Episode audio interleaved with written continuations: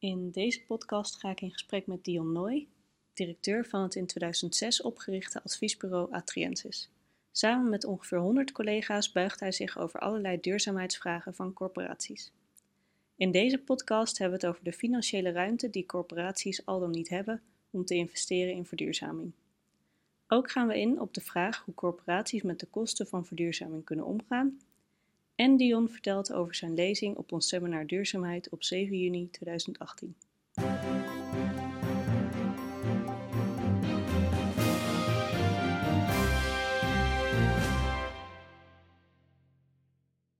Allereerst hartstikke leuk dat je mee wil doen met het interview. Ja, je bent 12 jaar ben je werkzaam bij Adriensis.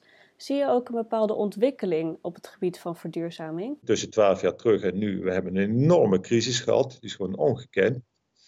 Uh, corporaties, uh, hun, hun, taakopdracht is veel compacter en geslotener geworden. Dus is veel meer opereren alleen voor een doelgroep met een kleine portemonnee. En zorgen dat daar goede woningen en betaalbare woningen en duurzame woningen bij horen. Dus dat is al een heel groot verschil tussen 12 jaar terug en nu. Dat, dat, dat het speelveld is, is veel strakker omkaderd. Uh, een ander facet is dat financiële mogelijkheden vele malen minder zijn. Dus dat, dat wordt nog alles onderschat. Maar uh, vooral door, door passend toewijzen, dus de begrenzing aan de huur die gevraagd mag worden. Ook door de verhuurdersheffing, vennootschapsbelasting, is de investeringscapaciteit uh, vele malen minder geworden. Ja, en dat, die dingen, als je die allemaal optelt, hè, dus verduurzaming is heel belangrijk geworden, maar binnen een heel krap speelveld met hele, hele bescheiden financiële middelen. En zo, zo kijk ik er wel naar. En dat betekent dus ook dat als corporaties nu met verduurzaming aan de gang gaan, dat, ja, dat elke klap moet gewoon raak zijn. En, en men moet ook absoluut de slimste en de handigste oplossing vinden. Er, er is ook niet zo heel veel ruimte om wat te hobbyen of te experimenteren. Dat verdraagt het niet. Nee. nee. Ja. En je noemde net ook inderdaad die echt die wat strakkere bekadering. En dan denk ik meteen aan de nieuwe woningwet. Ja. Um, jullie brengen elke twee jaar ook een boek uit met interviews met verschillende corporaties. Um, in jullie laatste boek van 2018 staat ook inderdaad van de woningwet als kompas bij de verduurzaming. Kun je daar wat meer over vertellen? Ja. Nou, in ieder geval leuk dat je dat, uh, dat, je dat gelezen hebt. Dan weten we waarvoor we dat boek uh, gemaakt hebben. Um, nou ja, weet je, als kompas, uh, de discussie die wij veel met corporaties hebben als het gaat over verduurzaming, is, uh, is de vraag van, staat nou verduurzaming voorop als uitdaging bij het aanpakken van de woningvoorraad? Of staat zeg maar huisvesting voor een hele lage prijs voor mensen met een lage portemonnee uh, voorop, waarbij verduurzaming meer een kader is? Hè? Dus, daar moet je aan voldoen, maar het is niet je eerste doelstelling. En uh, alle corporaties eigenlijk die ik spreek, die gaan van dat tweede uit. En ik dat ook terecht is. Van je hebt uiteindelijk die woningen, die 2,4 miljoen huurwoningen die we in Nederland hebben, die zijn echt bedoeld voor de doelgroep met een kleine portemonnee. Die moeten gewoon kwalitatief goed zijn, die moet men aanpassen, doelgroepen veranderen ook. Maar het zijn mensen met weinig geld. Uh, veel mensen hebben gewoon al hun dagelijkse opgaves al om gewoon te overleven met weinig geld, om, of om zich staande te houden, omdat er allerlei soorten complexe problemen in die, in die huurwoningen zijn. En dat is uiteindelijk de eerste opdracht. En daarbij is verduurzaming is een randvoorwaarde. Is een randvoorwaarde, maar geen doel op zich. En ik denk dat zeker de buitenwereld die de hele dag met verduurzaming bezig is, dat niet altijd even scherp op het netvlies heeft. Want verduurzaming is daar een doel op zich, of een commerciële activiteit, of we moeten van aardgas af van woningcorporaties is, is het een, eh, een, een, randvoorwaarde. En dat hebben we denk ik willen aangeven met de opmerking de woningwet. Voor wie zijn wij nou op aarde? Dat is het kompas en niet andersom. Nou, duidelijk. Dan ben ik wel heel erg benieuwd. Ja, je vertelt inderdaad van nou eigenlijk de belangrijkste opgave van woningcorporaties is natuurlijk het bieden van betaalbare woningen. Ja. Um, ja, en verduurzaming is daar dan, nou ja, misschien een goede, goede hulp bij. Heb je een tip voor corporaties die worstelen met verduurzamen van hun woningen of het energiezuinig maken van hun woningen? Uh, heb je een tip voor corporaties uh, die daarmee worstelen? Uh, ik, ik, denk dat alle corporaties daarmee worstelen.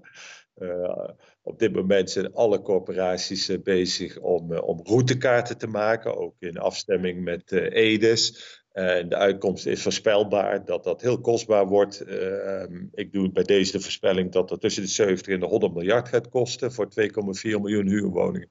En dat geld is er niet. Dus als je het hebt over worstelingen, is één worsteling, dat is gewoon middelen.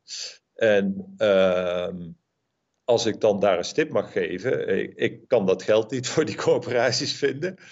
Ehm het is denk ik wel zo dat het heel erg helpt om gewoon hele goede strategische plannen te maken. Dus maak een plan voor je hele woningvoorraad, uh, wat dat kost. Uh, bedenk, denk goed na over in welke volgorde doe je dat. Uh, soms moet je iets terughoudender zijn, soms moet je iets offensiever zijn. En ik denk dat het heel belangrijk is om daar goede partijen bij te zoeken. Dus verduurzamen doe je niet alleen. Uh, ik denk dat dat wel een les is voor veel corporaties. Men is van oudsher gewoon gewend. Daar staat een woning, er zit gas in de grond en er is een stroomnet. En ik maak zelf mijn beslissingen voor die woning, voor dat blokje woningen of voor dat complex. En uh, als het gaat om verduurzaming, CO2-neutraliteit, kan dat niet meer. Er zullen gewoon keuzes per gebied voor totale gebieden gemaakt moeten worden waar de coöperatie een onderdeel van is. En dat doe je samen met de andere particulieren in een gebied. Dat doe je samen met de gemeente, dat doe je samen met de netbeheerders en dat doe je samen met, met de huurders. Dus, dus terug naar jouw vraag van een advies uh, wat ik zou willen geven is van maak een, een, een, totaalplan en er is maar één keuze daarbij, dat doe je gewoon samen met al je belanghouders en neem daar de tijd voor en investeer daarin. Dat kan mijn advies zijn. Ja, duidelijk.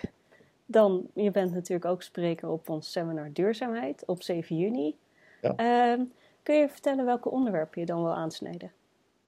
Ja, nou, ik ben sowieso vereerd dat ik daar spreker mag zijn. En ik ben gewoon heel benieuwd uh, naar, naar, de mensen die komen en ook naar hun ervaringen. Dus voor zover daar ruimte is, uh, zal ik daar naar informeren. Ik vind het altijd heel inspirerend.